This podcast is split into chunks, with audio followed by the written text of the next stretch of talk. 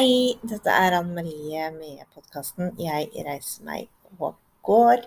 Og i dag skal jeg eh, snakke om det å være i avhør hos politiet som fornærmet i en straffesak. Jeg skal gi deg noen eh, konkrete tips eh, til hva du bør tenke på hvis du står i den situasjonen at du er blitt kalt inn til et avhør for å forklare deg som fornærmet i en straffesak. Og så skal jeg dele litt av egne erfaringer.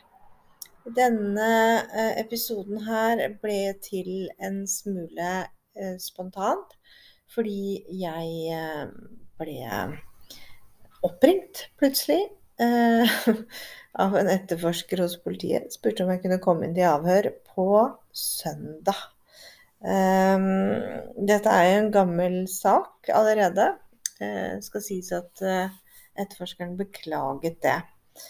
Eh, hyggelig person, absolutt. Men en sak som jeg jo har vært ute i offentligheten med, med å skrive en kronikk i bl.a. debattinnlegg da, i Avisa Oslo om hendelsen som skjedde, også i um, Klassekampen som vi ble utsatt for eh, på åpen gate i eh, fjor. Så dette er jo på en måte en gammel sak. Eh, saken ble henlagt. Ikke etter bevisets stilling denne gangen, men det ble henlagt pga. at politiet hadde mye å gjøre, rett og slett. Så den ble nedprioritert på lista. Og på mange måter så skjønner jeg jo det, fordi det er mennesker som blir drept, det er mennesker som blir eh, knivstukket, det er mennesker som blir skutt. Eh, det er mennesker som har eh, gale ekspartnere som oppsøker dem og gjør grusomme ting. Så jeg sier dette på en litt sånn tullete måte, at jeg forstår godt at de ikke vil prioritere saken min. Men problemet er jo også at partnerdrap skjer jo i lang tid, som regel, etter man har forlatt en voldelig partner. Eh, det kan skje i utgangen av akkurat mens du forlater eh, den voldelige partneren, som blir sinna og reagerer.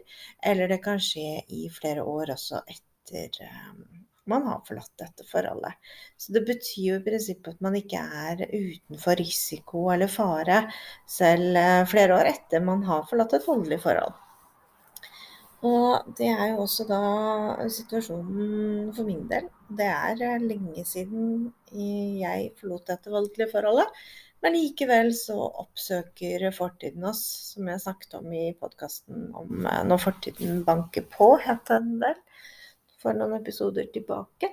Som du kan høre på hvis ikke du fikk med deg dem. Eh, dette blir på en måte en oppfølging av den episoden, og i tillegg konkrete råd da, til deg som, eh, som, står i den situasjonen at du skal inn til avhør hos politiet.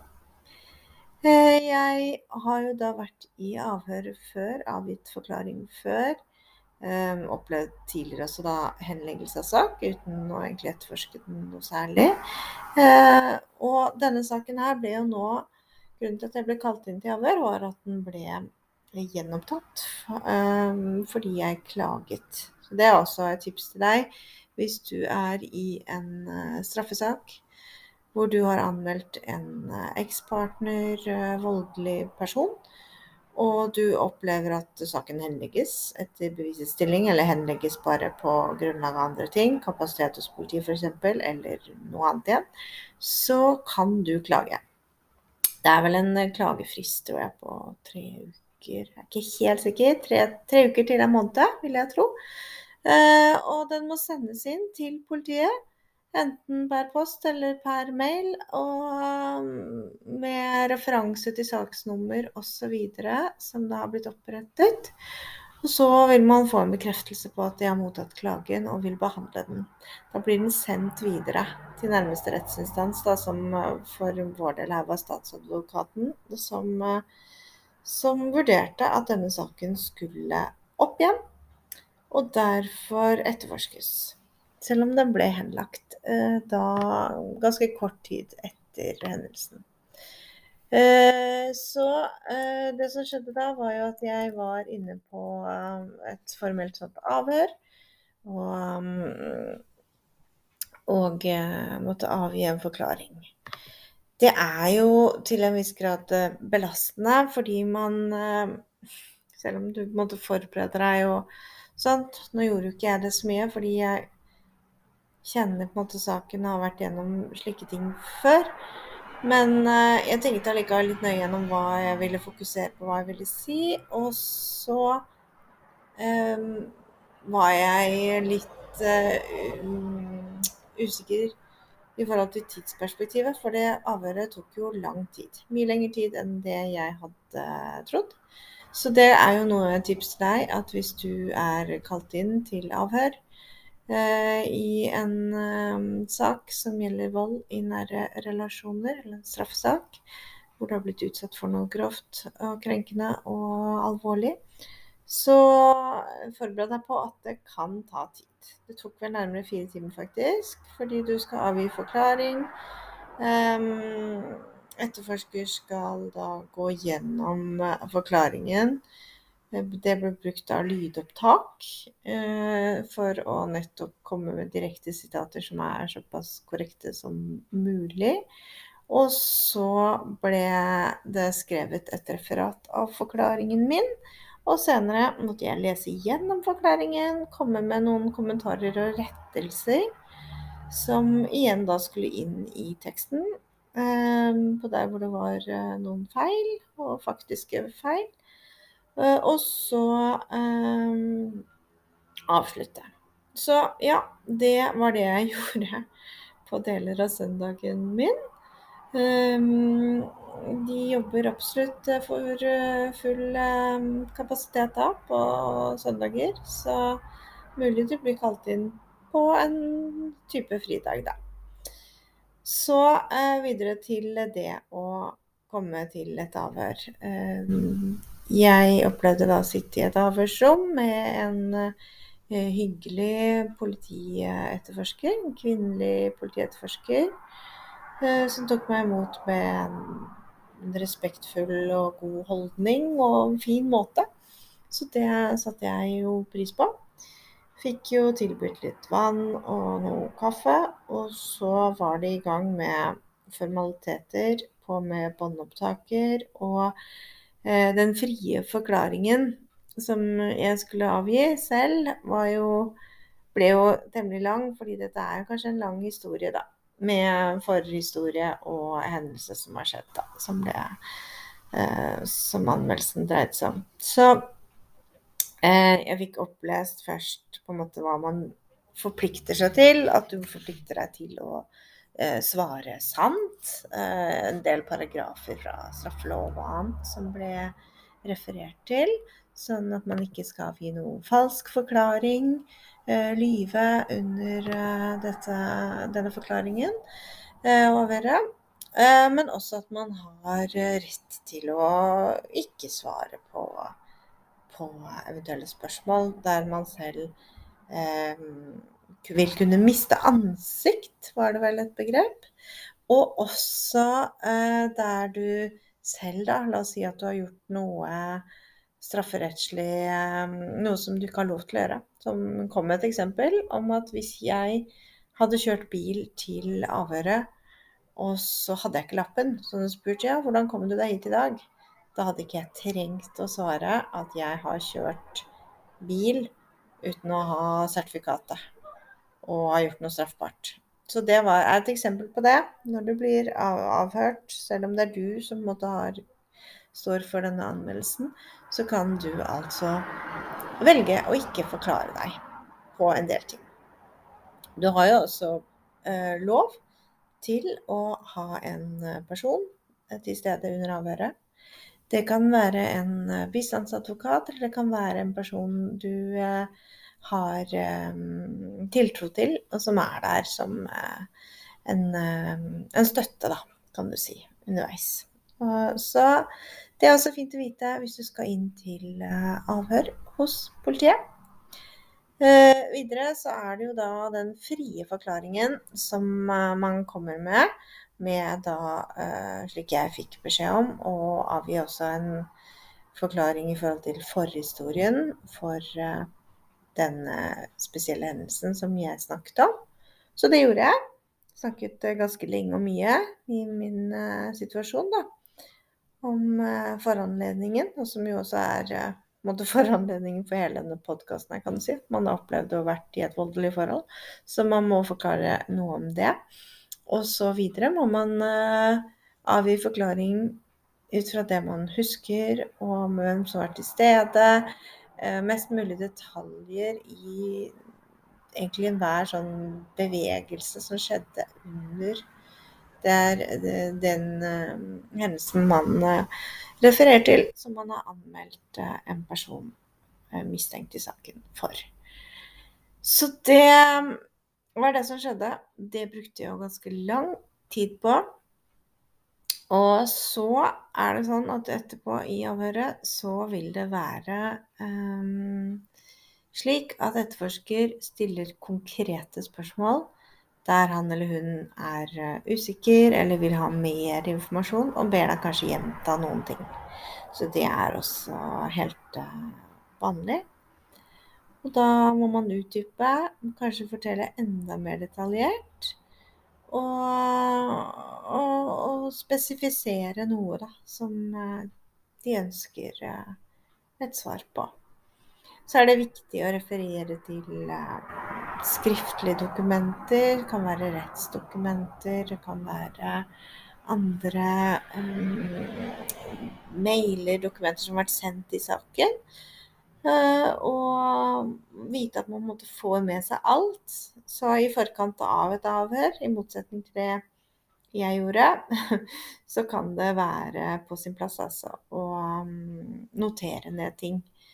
Og hvis du har bevis, eh, fysiske bevis, eh, bilder, tekstmeldinger eh, osv., så, videre, så ha det klart og ha det med deg. Nå skal det jo ofte sies at politiet kanskje allerede har da, etterforsket og gått inn og sett på deler av dette. Men hvis en sak er henlagt, og da har blitt gjenopptatt, slik som den ble i mitt tilfelle, pga. en klage på saken, så er det allikevel fint å vurdere hva man bør ha med eventuelle bevis. Um, videre uh, går det jo um, blir det jo på en måte avhengig av hvor lang hendelsen er, og hva forhistorien er på, i forhold til hvor langt et slikt uh, avhør oppleves. Så det anbefaler jeg deg på en måte å sette av litt tid. Um, ta med noe å spise. Jeg måtte kjøpe meg en deilig lefse på, på automaten mens eh, etterforskeren eh, skulle finskrive litt og lese gjennom notatene sine og høre på lydopptaket. Da fikk jeg en liten pause. Eh, en halvtimes tid eller noe. Og da Så da kan det være fint, da ta med deg noe å spise og drikke, ikke sant? Eller eh, sånn at du kan få deg litt luft og pause. Fordi eh, for min del så um, har jeg blitt litt sånn dreven i en del av dette her, fordi jeg jo snakker mye om vold i nære relasjoner og kan mye om det. Men eh, så er det likevel eh, sånn da at det blir gjerne at man eh, følelsene kommer opp og frem når du sitter og skal snakke om, om noe som berører deg og familien din og de du er glad i, da, på en, på en ganske stor måte. Så da, jo da, jeg hadde bestemt meg på forhånd at jeg skal ta det rolig, ikke bli opprørt. Og ikke bli liksom veldig følelsesmessig um, involvert. Men så kom det jo noen tårer allikevel, og det er jo også helt greit.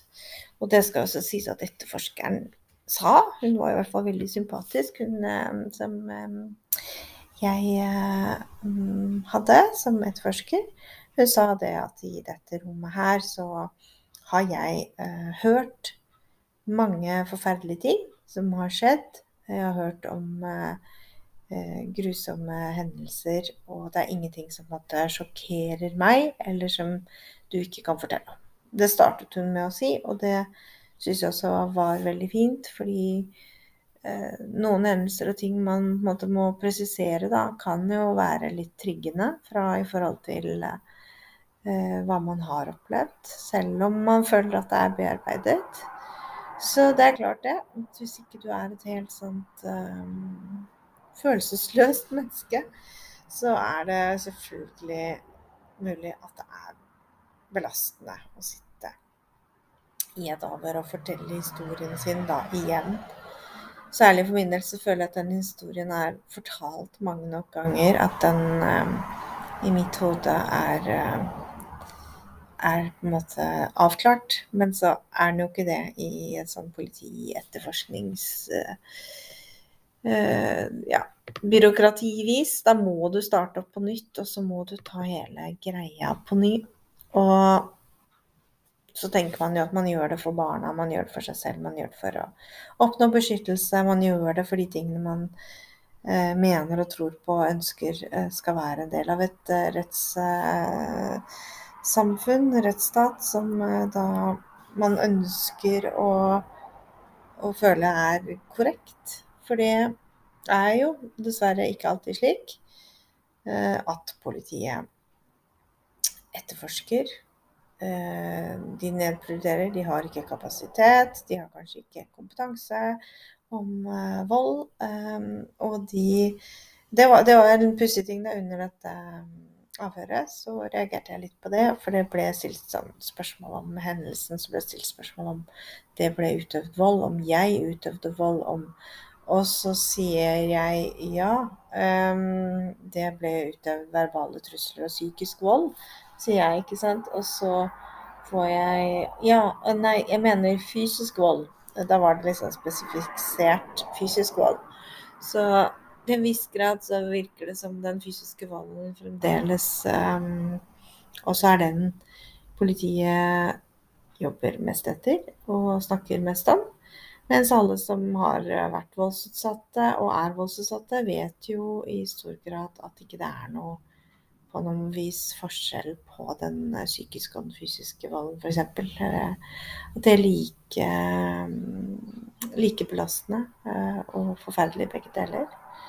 Så um, det er et litt sånn apropos, da, til politiet. At uh, jo da, de snakker fortsatt om vold. Hovedsakelig som fysisk vold. Men videre da i avhøret så, um, så får du altså forklart deg. Det er jo det viktigste. Det er viktig å huske på alt. Så da hvis du på en måte er Altså huske på alt til en viss grad, da, fordi det er helt naturlig at ikke du husker alt i en hendelse som har skjedd, eller i et langvarig voldelig forhold. Hvis du skal sitte og forklare om, om vold over år, så er det helt naturlig at ikke du har eh, en dagbok med alle data og datoer og alt så eh, faktisk som overhodet mulig. Fordi eh, vold er jo dessverre slik at vi på mange vis fortrenger det, vi legger det vekk bort. Vi vil ikke tenke på det. Vi ser for oss at ting skal bedre seg hvis du er i et voldelig forhold, ofte. Man lyver for seg selv, tenker at det var ikke så ille, bagatelliserer. Helt vanlig. Så det er helt klart det. Jeg hadde ikke notert ned eh, alle mulige ting selv. Um, da jeg satt i et avhør for mange år tilbake. Fordi du, når du attpåtil er supertraumatisert, engstelig og helt i sånn stressmode, så er det kjempevanskelig å sitte og snakke om disse tingene. Så det ser man jo på for min egen del, at jo lengre tid unna det, det har gått, jo lettere er dette her. Så sånn sett så følte jeg at det avhøret gikk fint, eh, som jeg var på da i går. Um, og at det var en helt annen følelse enn det jeg eh, satt i for mange år tilbake. Um, som jeg da heller ikke klaget på, ikke sant, når det ble en henleggelse etter bevisets stilling. Og det spurte også etterforskeren meg om i, nå når jeg var på dette avhøret her, og da sa jeg det at da var jeg så nedkjørt. Jeg hadde aldri eh, hatt muligheten til å klage og bruke mer tid og energi. Det var bare mer å holde det gående for meg og barna. Og, å klare å, å, ha et liv som, som bare var å komme seg opp igjen, ikke sant. Det var fokus. Ikke da på en måte straff og anmeldelser og politiavhør og rettsvesen og sånt. Det ble ikke fokus da. Eh, nå er det ikke sånn at jeg sier at det er mitt fokus nå i dag, men etter en alvorlig trusselsituasjon på åpen gate, så er det sånn at man vurderer det, da, som eh, viktig å klage på en henleggelse som politiet kommer med.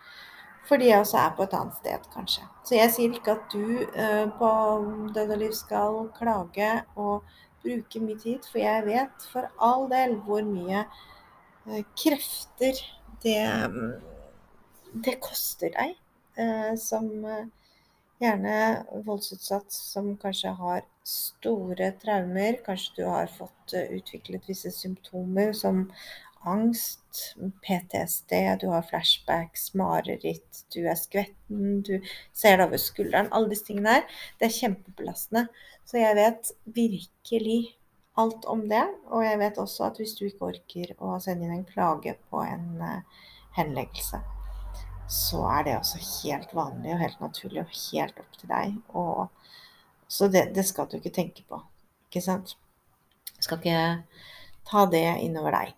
Det du kan tenke på, er at når du orker, og når du er i en situasjon og har på en måte litt mer overskudd og gjør det, sånn som jeg føler at jeg har nå, så, mm, så er det fint å å, og gå liksom løpet ut for rettferdighetens navn, da. Som man jo håper er det man ender opp med. Men man har jo ingen, uh, ingen uh, garanti.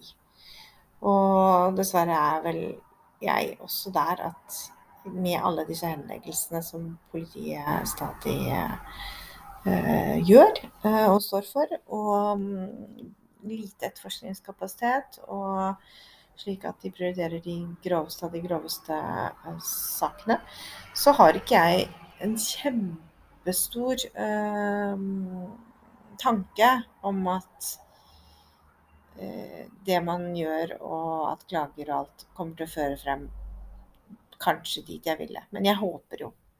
Jeg håper.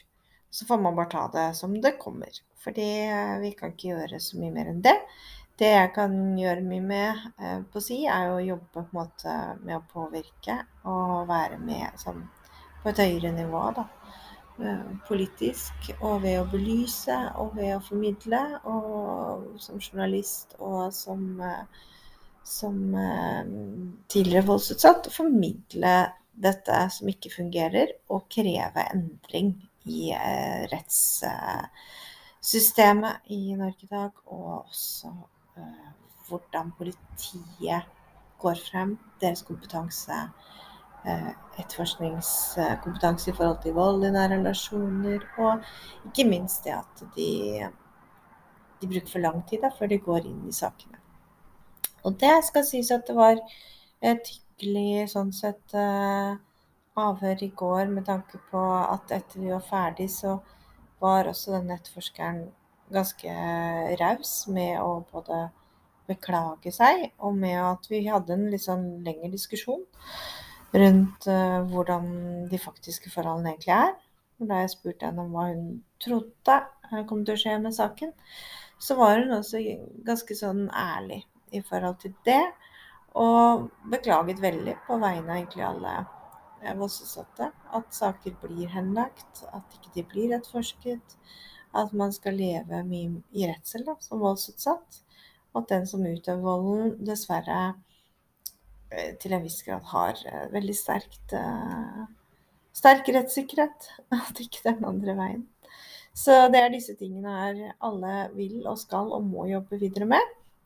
Kine Pedersen i Du eier meg ikke jobber jo veldig med dette her, og jobber også med Eh, det som jeg også er opptatt av, omvendt voldsalarm, og innføre dette i større grad når du er voldsutsatt. At ikke det bare er um, den som uh, som er utsatt for volden, som skal være på vakt ved besøksforbud og de ting der, men at det er politiet som kan kontrollere at den som utsetter andre for vold, faktisk ikke kan bevege seg innenfor visse områder. Med eh, slike ting som fotlenke, som man da har som, eh, har som mulighet da, med denne omvendte voldsalarmen. Så det er viktige ting. Og så er det viktig å fortsette å prioritere eh, økonomiske midler til alt av krisesentre og bearbeiding og trygging og voldsforskning. Og til politi og kjøre på med mer kunnskap om temaet. Ja, det var en sånn apropos, men dette temaet handla altså om avhør i uh, du som uh, fornærmet. Så da vet du litt mer om hva du bør tenke på. Altså oppsummering her. Um, har du bevis? Har du notert ned konkrete ting? Uh, referer til det, ha det med deg, vis deg under avhør. Husk at du ikke trenger å svare på alle spørsmål. Um, og fokuser på det som er viktig for deg. Kan jo komme noen sånne småtips om at har du såkalte litt mer sånn nøytrale, objektive vitner, at ikke det er kanskje familie eller, eh, eller kjærester eller venner som du refererer til. Men er det mennesker som har opplevd og sett eh, kriminelle forhold, da? Som kanskje jobber i skolen, barnehage, eh, som kan hjelpe og vitne, så er det også viktig. Ta med dette her. Alle såkalte som, folk som er litt lenger ute i kretsen, det vil alltid veie litt uh, sterkere i en straffesak, hvis man da kommer til det steget at det blir en sak, at ikke den blir henlagt. Um, så husk på det, og så forbered deg med, med, det du kan, og vit også at det er helt naturlig å glemme ting. Du kan også um, kontakte etterforsker etter du har hatt et avhør og sagt at dette kommer jeg også på, som er uh, noe jeg gjerne vil at uh, dere skal ta med. Uh, og så videre. På slutten av avhøret så har de da også konkrete spørsmål, standardspørsmål til alle, etter du på en måte har fått ekstra spørsmål og din frie forklaring har vært avgitt. Så vil det komme spørsmål rundt hva du tenker om videre etterforskningsgrep, da. Da kan jo du komme med eksempler, da, på hvem du mener kanskje politiet bør kontakte, hvem som kan belyse saken på en annen måte, eller uh, bekrefte kanskje noe av det du har uh, sagt. Så det er viktig. Og husk på at eh, tenk gjennom det før du kommer i avhøret. Er det noen du tenker politiet bør absolutt eh, kontakte videre i etterforskningen? Eh, vit at det kan være belastende, at du kan få følelsesmessige reaksjoner, at du kan begynne å gråte, eller at du kan kanskje, hvis du er veldig i situasjonen og er veldig traumatisert, så kan det være veldig belastende. Da kan det også være veldig betryggende å ha med seg en støtteperson om det er en advokat, bistandsadvokat, eller om det er en venn eller noen du stoler på, som kan være med. Du må bare si fra til politiet i forkant at du tar med deg én person, f.eks. Særlig hvis det ikke er en bistandsadvokat, så er det fint for dem å vite og få sånn personalia og sånt i boks der. Eh, videre, husk at eh, et avhør er eh, din forklaring av en situasjon som har skjedd. Faktiske forhold. Eh, ikke lyv. Altså si sannheten. Og um, fokuser på deg og ditt, rett og slett. Det som har skjedd. Og det å være følelsesmessig berørt er også helt vanlig. Er, politiet er som sagt vant til at de ser og hører mye eh, om forferdelige ting. Så ikke la deg på en måte skremme ved å si at det er forferdelig å si dette her. Fordi de tåler å høre det. Det er viktig. Så det var eh, en eh, episode om det å være i et avhør som eh, fornærmet i en straffesak som omhandler vold i nære relasjoner. Du vet jo selv hva denne saken handler om, hvis du står i det. Men da har du også litt du kan forberede deg på og med. Og send meg gjerne en melding på Jeg reiser meg pod på Instagram en direktemelding der hvis det er noe mer du lurer på konkret. Så kan jeg eh, videreformidle eller svare så godt jeg kan. Og så ønsker jeg deg en eh, nydelig dag videre, og ta vare på deg selv. Husk å ta en pause hvis du er i en ganske stressende situasjon som det jo er å være i eh, skulle i avhør og ja, kanskje kommende rettssak osv. Jeg tar én ting av gangen, én dag av gangen, ett steg av gangen, ett minutt av gangen, ett sekund av gangen. Og ta pauser. Eh, ta vare på deg selv. Vi snakkes snart. Ha det bra.